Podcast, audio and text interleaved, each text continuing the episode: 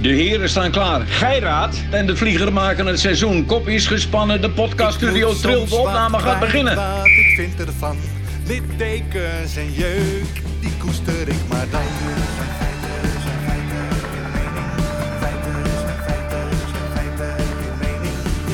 Duidelijk en luid, riemen vast vooruit.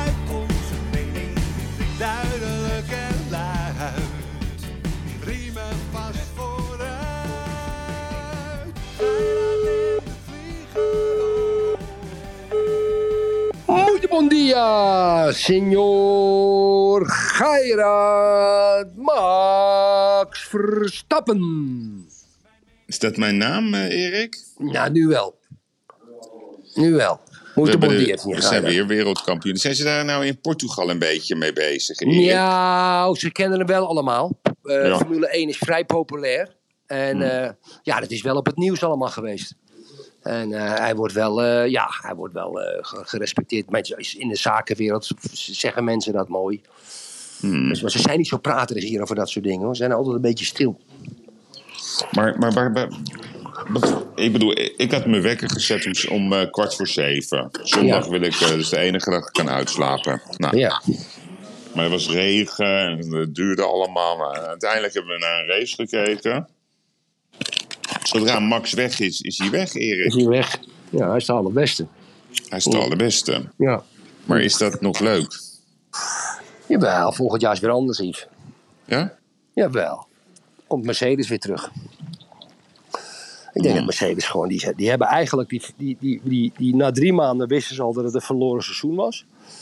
En de Duitsers kennende zijn zich gaan concentreren op het volgende seizoen. Dus ik denk dat ze ongelooflijk goed beslagen ten ijs komen. En om je eerlijk de waarheid te vertellen, denk ik dat Hamilton best wel eens volgend jaar kampioen kan worden. Of Ja, maar de, weet je wat ook grappig is? We hadden toch die waarzegger eh, vorig Ja. jaar. Die Ja. zei dat Max Verstappen dit jaar helemaal niks van zou gaan eh, bakken. Eh, een of ander onbekende jonge man zou winnen. Nou, die kunnen, we, die kunnen we ook bij het grofvuil zetten. Hè? God, dat hebben we een hele uitzending aan gewerkt, die kerel. Die, die heeft nog nooit zoveel onzin zitten te verkondigen. Nee, is ook een vak. Ja. hey, Erik, maar toch hè, Honda. Dus dan denk je, heb je Mercedes, Audi, heb je ook in de wereld Aston Martin, Ferrari. Allemaal grote merken. En dat, dat, dat Honda, is het, is, het is toch een wereldprestatie ook van dat hele Red Bull. Hoe ze gewoon de baas zijn. Gewoon de Om te- totale baas op het gebied van Formule 1. Om te beginnen een Oostenrijks bedrijf, hè, eigenlijk. Hè? Ja. Met, een, met, een, met wel met, met een, een hele tech- techniek in Engeland. Maar het is Oostenrijks gerund. Vind ik heel erg knap. Klein land. En dan met de Honda-motoren. Ja, kijk, wij hebben natuurlijk altijd het idee gehad dat, de Japanners. eh, dat praat ik over 70, 80 jaren, een stukje in de 90 jaren. Alles wat ze maakten. eh, was altijd een, toch een beetje inferieur aan het Duitse en het Amerikaanse. Mechanica, als ik het over mechanica heb. En eh, ja, dat hebben ze bij deze hebben ze dat eh gelogenstraft, vind ik. Hmm. Maar dat zie je niet alleen zeg maar, in de auto-industrie. Je ziet het vooral ook in, in de, die hele tech-industrie met beelden. eh, maar ook met elektrische auto's. De Chinezen, Erik, die zijn bezig met de ene na de andere elektronische auto te ontwikkelen. Soms mag daar niet bekend te zijn dat er Chinese eigenaren achter zitten. Bijvoorbeeld is een nieuw merk, dat heet NIO, N-I-O. Ja, dat wordt dan gemaakt in Scandinavië. Maar daar zitten ook weer Chinezen achter. Er komt een, een Chine- Chinese Rolls Royce aan, dat heet de Honji. Die zijn toch bezig, Erik, die Aziaten, om, om op het gebied van tech. En dat heeft toch denk ik te maken met werkethos. Om alles naar zich toe te trekken. Maar dan ook echt alles. De, de grootste chipfabrikant zit volgens mij in Taiwan. Taiwan. ja, Ja. Dus kijk, kijk, je moet natuurlijk niet alle Aziaten op één hoop gooien. Nee, dat is niet zo slim, nee. Nee, kijk, even, even ik terug ga bij de naaimachines. Ehm, vroeger, eh, vroeger ah, ja, na de oorlog zeg maar even, waren het de Duitsers en de Amerikanen. Ja, FAF, Durkop, Union Special. Toen kwamen in de 60 en 70 jaar kwamen de Japanners op. Dat was troep. Ja, maar het was gauw geen troep meer. En ja, die namen die markt eh, over helemaal. En in de negentiger jaren en het nieuwe eeuw, dan kwamen de Chinezen. En dachten we ook allemaal troep, allemaal troep, allemaal troep. Maar die machines die die Chinezen maken, die industriële naaimachines, die zijn nu volledig wereldleider.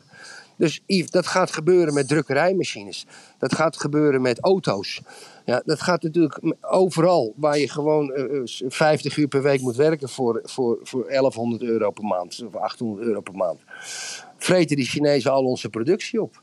En we worden Nou, ik ben volledig het meest, afhankelijk. meest geïnteresseerd in straks als huizen gewoon op basis van 3D-printing kunnen worden gemaakt. Dat lijkt me echt, als dat voor elkaar is, jongen. Kan dat al. is, Kan al, doe ja, zo. kan al, ja, maar het is natuurlijk nog niet geaccepteerd. Ja, dat lijkt me echt geweldig als dat kan.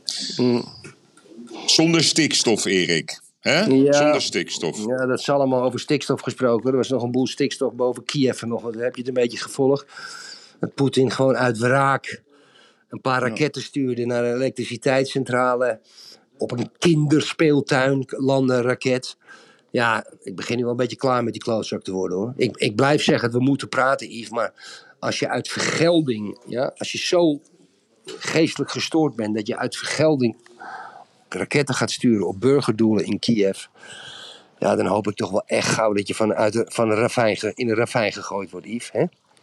Nee, maar kijk, dit is, we hebben het er vrijdag over gehad. En toen zei je, ja, wat denk je, wat denk je? Ja, ik, ik heb tegen jou gezegd dat ik me grote zorgen maak. Ze zijn niet voor reden vatbaar. En het gaat nu alleen maar om wraak, wraak, Ja. wraak. Ja. Ik, ik, heb, ik heb geen idee wie die brug heeft opgeblazen bij de Krim. Eh, je, je, kan, je kan pleiten voor het standpunt dat dat een, een, een alibi is voor Poetin om, om, om toe te slaan. Met die, met die, hij heeft die nieuwe, die nieuwe legerbaas, hè, die heeft als bijnaam de slager van Aleppo. Ja, Eh, ja, Erik, ja, die mensen zijn niet geïnteresseerd in de mensheid. Die, die gaan gewoon random raketten sturen. Dat is levensgevaarlijk. Mm, mm. Ik heb geen idee. Ik denk dat het eh, uiteindelijk toch met iets heel vervelends gaat eh, eindigen. Dat is toch het gevoel wat overheerst. Ja, dat, is, dat hadden we het ook vrijdag over, Yves. Dan, dan, kijk, ik, ik kan mijn.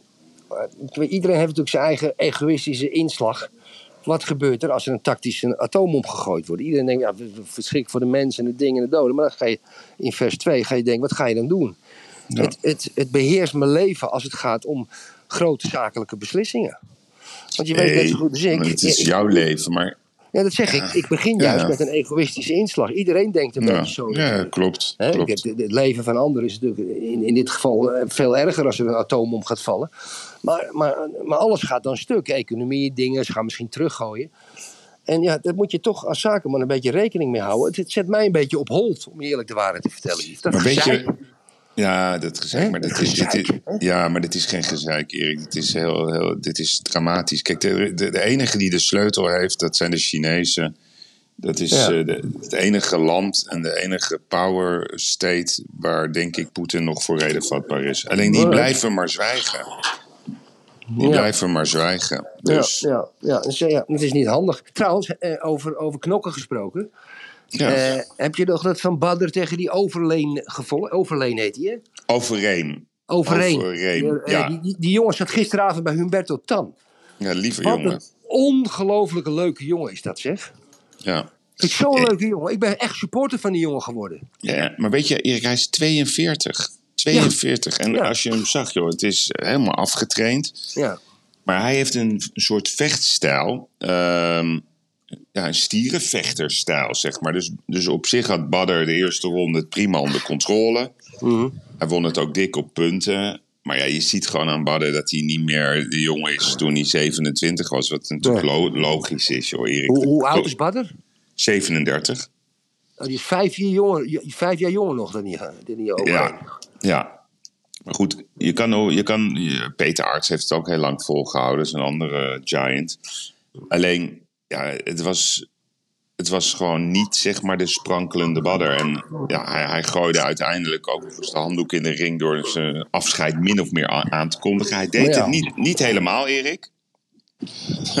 ja, dat zouden wij ook kunnen doen. Het is, volgens mij is het nog een soort onderhandeling naar glory van... jongens, ik ben er klaar mee. Maar ja, Ja. als jullie me met heel veel geld kunnen verleiden... misschien ben ik dan Ja. nog wel bereid. Want hij is natuurlijk Ja. wel de, de magneet voor het publiek... en ook voor de kijkcijfers. Dus ja, een wereld zonder Badr Hari is toch een andere wereld... eh, binnen die, zeg maar, die vechtsport. Maar het wordt tijd voor nieuwe jongens. Alleen wat ik niet begreep... die, die Rico die was, eh, die gaf Hoor je commentaar... hem weer, verdomme. Hoor je me niet? Hoor je me niet, Erik? Ja, nu je- hoor ik je weer. Oh. Ja, nu hoor ik je weer. Raar, Ja. er opeens uit, sorry. Ja, je Ik, het, laatste wat je, het laatste wat je zei is eh, de kijkcijfers. Ja, nee, dus, dus, dus, dus Badder is, is voor, voor Glory eigenlijk het kijkcijferkanon. Dus je zag ze ook heel zuur kijken, die eigenaren. Die hebben er heel veel geld in geïnvesteerd. Dat Badr Hari eigenlijk min of meer zijn afscheid eh, aankondigde. deed hij heel goed. Maar het was heel raar dat Rico Verhoeven, die liet zich provoceren door Overeem. Die zat er in de, in de, in de, in de studio, zeg maar, commentaar te geven. Die kwam het podium opstormen. En die deed een eh, face-to-face met de Overeem. Dat leek een beetje Amerikaans worstelen. Ja, dat vond ik een beetje dom. Nou ja, wat ik jammer vond, kijk, Overhem had gewonnen. En Een beetje zijn eer werd, werd gekaapt. Dus dat begreep ik niet. Ehm, maar ik denk dat, eh, ik, als je het me heel eerlijk vraagt, denk ik dat Overhem 0,01% kans heeft tegen eh, Rico Verhoeven. Dat Ja, denk, denk ik echt. Maar goed, het was weer, eh, het was weer volksvermaak. hey, even iets, iets heel anders. Ehm, ik las vanochtend iets dat Femke Halsema... Het lukt haar gewoon niet om zeg maar, die hele war on drugs eh, op een normale manier te bestrijden in, in Amsterdam. En die zegt nu eindelijk... We moeten cocaïne legaliseren. ja. Want we krijgen toch niet onze grip erop. Weet je dat dit een standpunt is wat zowel John van der Heuvel als Peter R. de Vries, die had ik toen beide ooit bij mij in de podcast, die zeggen dat allebei los van elkaar. Je kan het beter legaliseren. Dan heb je zicht erop, dan wordt ook de vraag waarschijnlijk minder. Dan wordt het een soort normale markt. Wat Hoe, weet je dat de vraag min, hoe weet je dat de vraag minder wordt? Dat is een goeie, dat weet je nooit. Alleen als het zichtbaar is, dan, dan, dan gaat het toch een beetje uit het donkere circuit verdwijnen. Dan, ja, ook met betalingen. Dat je het bij wijze van spreken bij de apotheek kan kopen. Mhm. Maar ga, denk je dan niet dat, dat de hele bevolking verslaafd wordt? Nee, dat is het risico waarom ze het niet willen doen. Maar aan de andere kant, je merkt nu gewoon dat het, het, het- ze zijn alleen maar bezig met brandjes blussen. Ze krijgen hun grip er niet op. Nee. En, en als je iets eh, legaliseert, ja, dan is het allemaal zi- inzichtelijk. Ja, Zo- kijk, zoals softdrugs ook gelegaliseerd is. Ja, die zijn eigenlijk gedoogd, hè? Ja, Eh, maar Zo is ja. de officiële terminologie. Ja, ik vind het gelegaliseerd. Ja. Klopt, klopt. Eh, Daar heb je gewoon gelijk. Maar kijk, ehm, ik, ik denk, al, al, al willen 17 miljoen mensen dat in Nederland, we krijgen dat in Europees verband nooit voor elkaar. Dat even terzijde. Hmm. De, de vraag is, ben jij het met Halsema eens, Yves? Ja. Ja? Ja. Goh. Nee, omdat ik, vind, ik vond dat zowel Peter R. de Vries als John van Heuvel... die waren hier zo expliciet over. En ik heb het natuurlijk ook wel eens met Henk de Vries erover gehad... eh, de oprichter van de Bulldog. Die, die, die vindt dat ook. De meeste mensen die zeg maar echt gewoon aan de bal zitten... die zeggen, je kan het veel beter legaliseren. Dan heb je in ieder geval veel beter zicht over wie er dan achter de grote structuren zitten. Nu weten we dat niet. Nu zijn ze natuurlijk dag in dag, eh, dag, in dag uit bezig om bij de havens van Antwerpen en Rotterdam eh, grote voorraden te onderscheppen. Als je het legaliseert, ja, dan weet je gewoon wie erachter zit. Hè? En dan moet je het enige wat je dan moet doen is een soort ontmoedigingsbeleid. Eh, ja, net zoals met roken. Je krijgt het er niet uit, Erik, op de een of andere manier. Mm, bij, de, bij, de, bij de apotheek. Er komt een 18-jarige jongen bij de apotheek. Ja, ik wil een, eh, ik wil vijf, vijf, ik wil een grammetje of vijf gram. 5 gram cocaïne, ja, ja. Ja. ja, ja. Nee, dat klinkt heel raar. En dan denk je, Ja, ja, ja. je bent niet goed bij je hoofd. Maar dit is een kansloos verhaal voor, voor gemeentes, voor overheidsinstanties, de advocaten die namens eh, de, de handelaren optreden. Erik, je hebt geen idee hoe makkelijk het is in Amsterdam om een, een grammetje te krijgen. Ik heb al heel vaak gehoord, je krijgt sneller een grammetje cocaïne dan een pizza. Zo- Ja, nee, maar Ja. het is het zijn gewoon WhatsApp-groepen. En ik hoor het ook van veel jongeren. Die, die, die, die, die, die, die doen dit zo massaal, Erik. En allemaal anoniem en dan weer geheim. En je ziet het aan die koppen. Er circuleren hele menukaarten Ja. op de WhatsApp. Ja, en dat zal ik, aan- dat is, oh, dus dan kan je, dan kan je, eh, de menukaart, dan kan je sigaretten kopen, slaapmiddelen, Ja. ecstasy, cocaïne, Ja. eh, weet ik veel wat je allemaal kan kopen. Ja, drop. ja, ja. En, en kijk, wat ze, wat ze eigenlijk moeten doen, hè, ik, ik, ik, ik, ik weet niet of ik het experiment aan zou durven als ik de macht zou hebben. Ja, maar oké, stel je voor dat ik het zou doen. Dat als iemand cocaïne haalt bij de apotheek, dat hij in ieder geval een soort van familielid mee moet nemen. Dat ze met z'n tweeën komen. ja exact. Ja? Maar als je geen familielid hebt, ja, wat moet je dan doen? Maar er moet, er moet wel. Er moet, ja. Nee, je kan de leeftijd dat het vanaf Maar als je één- zoon thuis komt met drie gram kook, hè, pap, ik ben even bij de Nou, dan is het ons probleem. Kijk, dan, dan, dan weet ik dat. En je weet hoe ik daarover denk. Ik ben natuurlijk Mhm. Ja. ik ben ongelooflijk anti-cocaïne. Alleen, dan heb je er grip op. En nu, nu is het een verborgen wereld... waarin werkelijk waar alles bij elkaar wordt gelogen. Ja, ik, ben- ik ben echt een zwaar voorstander van legaliseren. Echt waar. Mhm. Kijk, ecstasy in a way is al gelegaliseerd. Je kan bij een party binnenkomen. Ja. Er lopen dealers rond. Je wordt geen eens meer ge- ge- gefouilleerd. Mhm. Dus dan moet je ecstasy er ook bij trekken, Yves. Nee, maar kijk, op een gegeven moment eh, gaan mensen ook denken: ja, ik ben eigenlijk belachelijk bezig. Dus ja, ik heb het liever gewoon eh, inzichtelijk.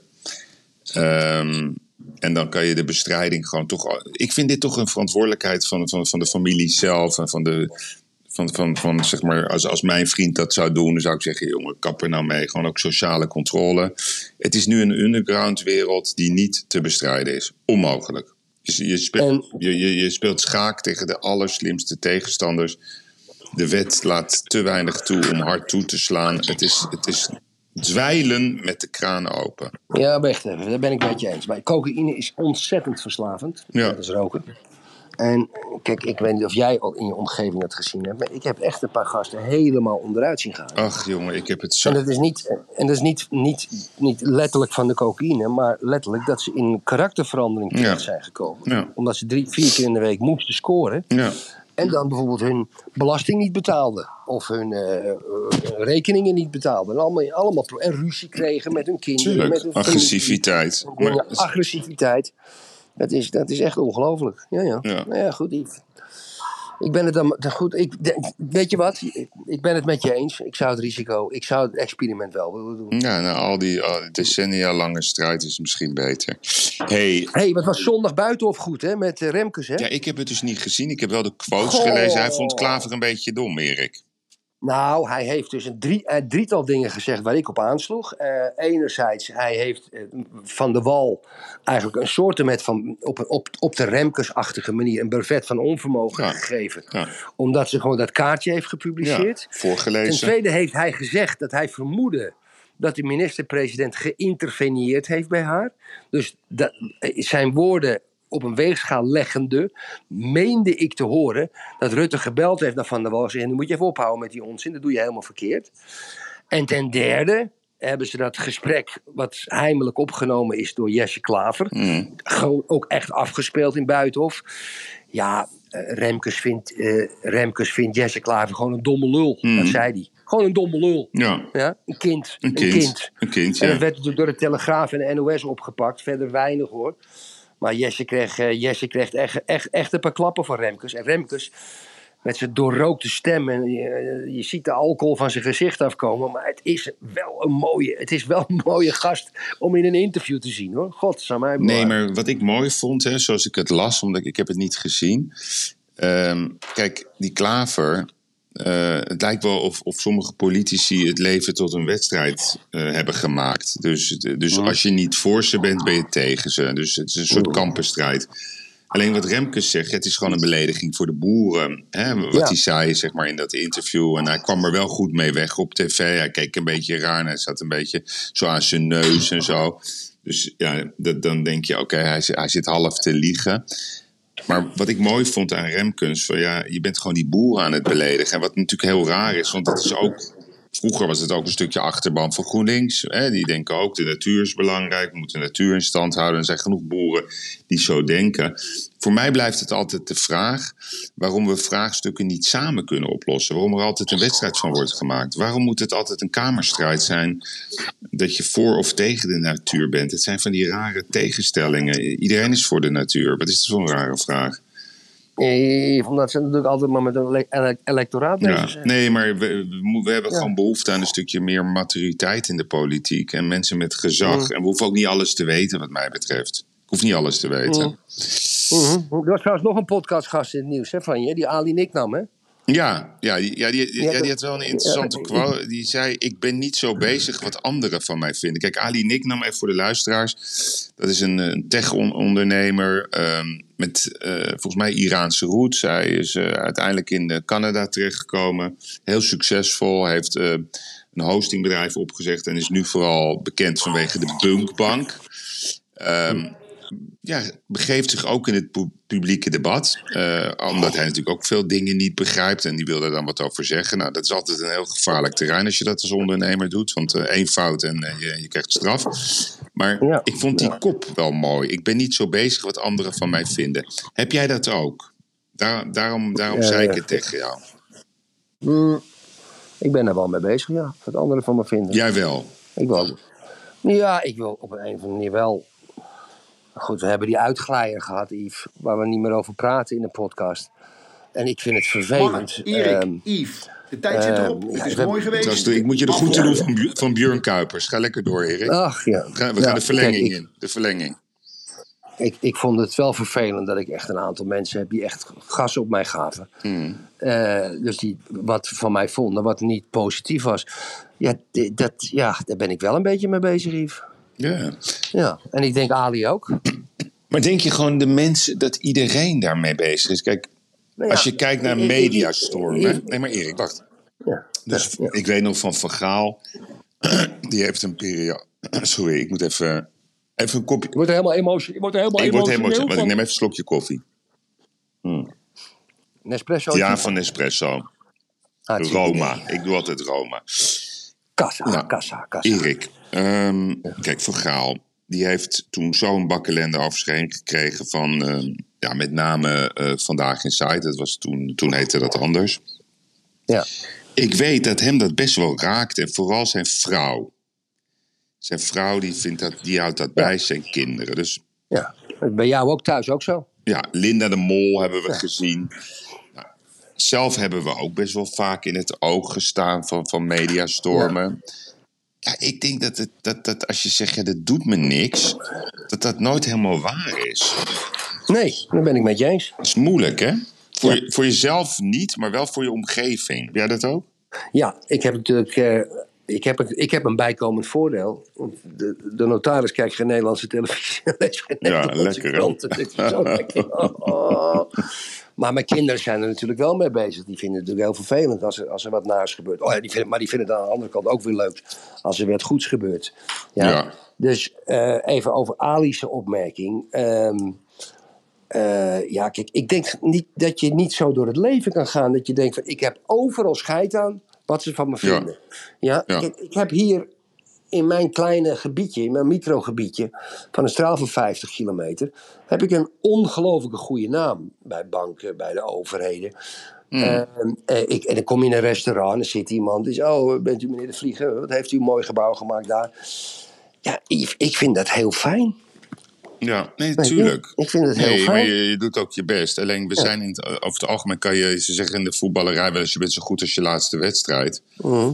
Dat is natuurlijk een rare. eh, Kijk naar Harry, ik vond het wel mooi. Ik heb natuurlijk eh, best wel intensief met deze jongen gewerkt, een twee jaar lang.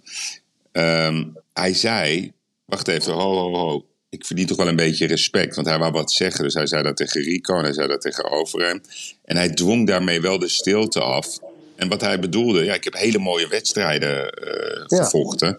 Alleen ja, het is niet meer wat het was. Nee, nee. Maar wij onthouden vaak, Erik, de laatste wedstrijd. En Mhm. het verleden vergeten we dan. En dan jaren daarna denken we, hé, hey, dat was een legende. Nou, nou, En ja, dat ja. zien we nu ook met Tadic bij Ajax. Ja. Ik kan er niks meer van. Nou, Erik, dat is een, voor mij een held, die man. Een absolute held. Het zou kunnen zijn dat hij op een gegeven moment een stapje terug moet doen. Maar wij hebben, er is een soort permanente honger, valt mij op vandaag de dag. Ja, om, om bagger, om ellende, om haat en weet ik wat allemaal te verspreiden over mensen, bedrijven, individuen. Maar dat doen wij over Kaag natuurlijk ook, Yves. Maar Kaag, eh, twee keer per week komt ze bij ons aan bod. Ja, en ik probeerde daar een paar, een paar dagen geleden nog een beetje nuance in te brengen. Maar jij bent echt definitief in je oordeel. Dus eh, in sommige gevallen doen wij er ook een beetje aan mee, Yves. Dat moet je Ja, ook een maar beetje toe kunnen geven. Nee, oké. Nee, daar we doen eraan mee. Ja, maar wacht. Mhm. Het is altijd appels met peren vergelijken. Hè? Dus, Ja, ja, ja, ja, tuurlijk. nee, nee, nee, maar kijk, ik, ik, ik vind wat Kaag aan het doen is. Dat is gewoon. Dat kan niet. Dat is gewoon niet goed voor Nederland. En op het moment dat zij zelf ook tot dat inzicht komt. en ze gaat daarna lekker iets anders doen waar ze wel in goed is. is ze waarschijnlijk een hele goede ambassadeur. Ze is heel goed in onderhandelen. Dat blijkt wel, want ze trekt alles naar zich toe. Maar zij is niet goed voor ons land. Ik bedoel, dat, dat, dat, daar zit gewoon de woede in. Daar kunnen we heel veel voorbeelden van noemen. Dat gevoel is er gewoon niet. Dat vind ik toch een heel ander voorbeeld. Nou ja. Ja, over, over, over afmaken gesproken. We hebben natuurlijk Schreuder, hebben we, Schreuder, de trainer van Ajax. Daar hebben we natuurlijk ook geen splinter van heel gelaten. En eh, gisteravond kwam het nieuws dat Peter Bos beschikbaar is. Het zou Ja, wel goed zijn. Ik denk dat hij dat heel graag wil. Ehm, ik zou het absoluut niet doen. Waarom niet? Ik wel. Ja, dat is oude wijn in nieuwe zakken. Ik bedoel, hij, hij, hij heeft nu bij Lyon toch laten zien dat hij niet in staat is om, om, om, om heel goed resultaatvoetbal eh, te spelen. Dat heeft hij ook laten zien bij Leverkusen. Eh, dus hij heeft niet een track record dat ik denk van wauw. Hij heeft ook toen die finale dat het echt om ging tegen Manchester United in Zweden voor de Europa League. Ja, Erik, dat was een belachelijke wedstrijd. Ja. Hij had fantastisch materiaal. Eh, Mm. dat dat had, had jij bij wijze van spreken ook eh, goed kunnen neerzetten. Mm. Ik, ik, ik, ik ben niet zo enthousiast over Peter Bos. Terwijl ik het een hele, hele aardige kerel vind. En hij speelt best wel leuk voetbal. Maar ik vind dat weer usual suspects. Mm, Oude, ja, ik- oude wijn in nieuwe zakken. Niet doen. ik ben, ik ben voor. Ik ben voor. Oké, dat mag. Hey, dat mag. ik denk dat we, dat we nu wel af kunnen sluiten. Het was een hele rustige podcast, lieve vriend. Hè? Ja, het is heel rustig, Een jongen. maandag, een maandag podcast was het een beetje. Ja, ik ben wel benieuwd. eh, eh, er was vandaag is die, die parlementaire enquête aan de gang over Ja. Groningen. De Wiebes zit daar. Nou, Wiebes die, die McKinsey? ondertussen... Ja, die is partner bij, bij McKinsey. is, in stilte. Gaat heel goed hè, met McKinsey Gaat heel goed, ja, gaat heel goed. Goede, goede door het dak. Maar als je dat ziet, ik, ik, heb, ik ging even een kwartiertje kijken. Woordenspelletjes zeker, hè? Woordenspelletjes, hè? Het is, het is één groot woordenspel. Ja, ja, ja. ja, ja. Het is één groot woordenspel. En, en, en, en het wordt precies hetzelfde als de parlementaire enquête van de toeslagenaffaire. Een heleboel mensen die waren schuldig en die hebben het allemaal niet goed gedaan. En uiteindelijk zijn de Groningers nog steeds de lul. Achteraf gezien hadden we dat veel beter kunnen doen. Dat antwoord dat heb ik al zo vaak gehoord. Met de kennis van nu hadden we dat veel Ja. beter kunnen doen. Ja. Ja. Nou, met de kennis van nu. Erik, wens ik jou een hele fijne dag. Ik zie jou morgen. Ik spreek je morgen. ja. En eh, dan zien we het wel. Dan is het dinsdag. Je weet het maar nooit. Idee. Ik zwaai naar je. Dag luisteraars. Dag, Hoi, hoi. Bye, bye. hoi, hoi.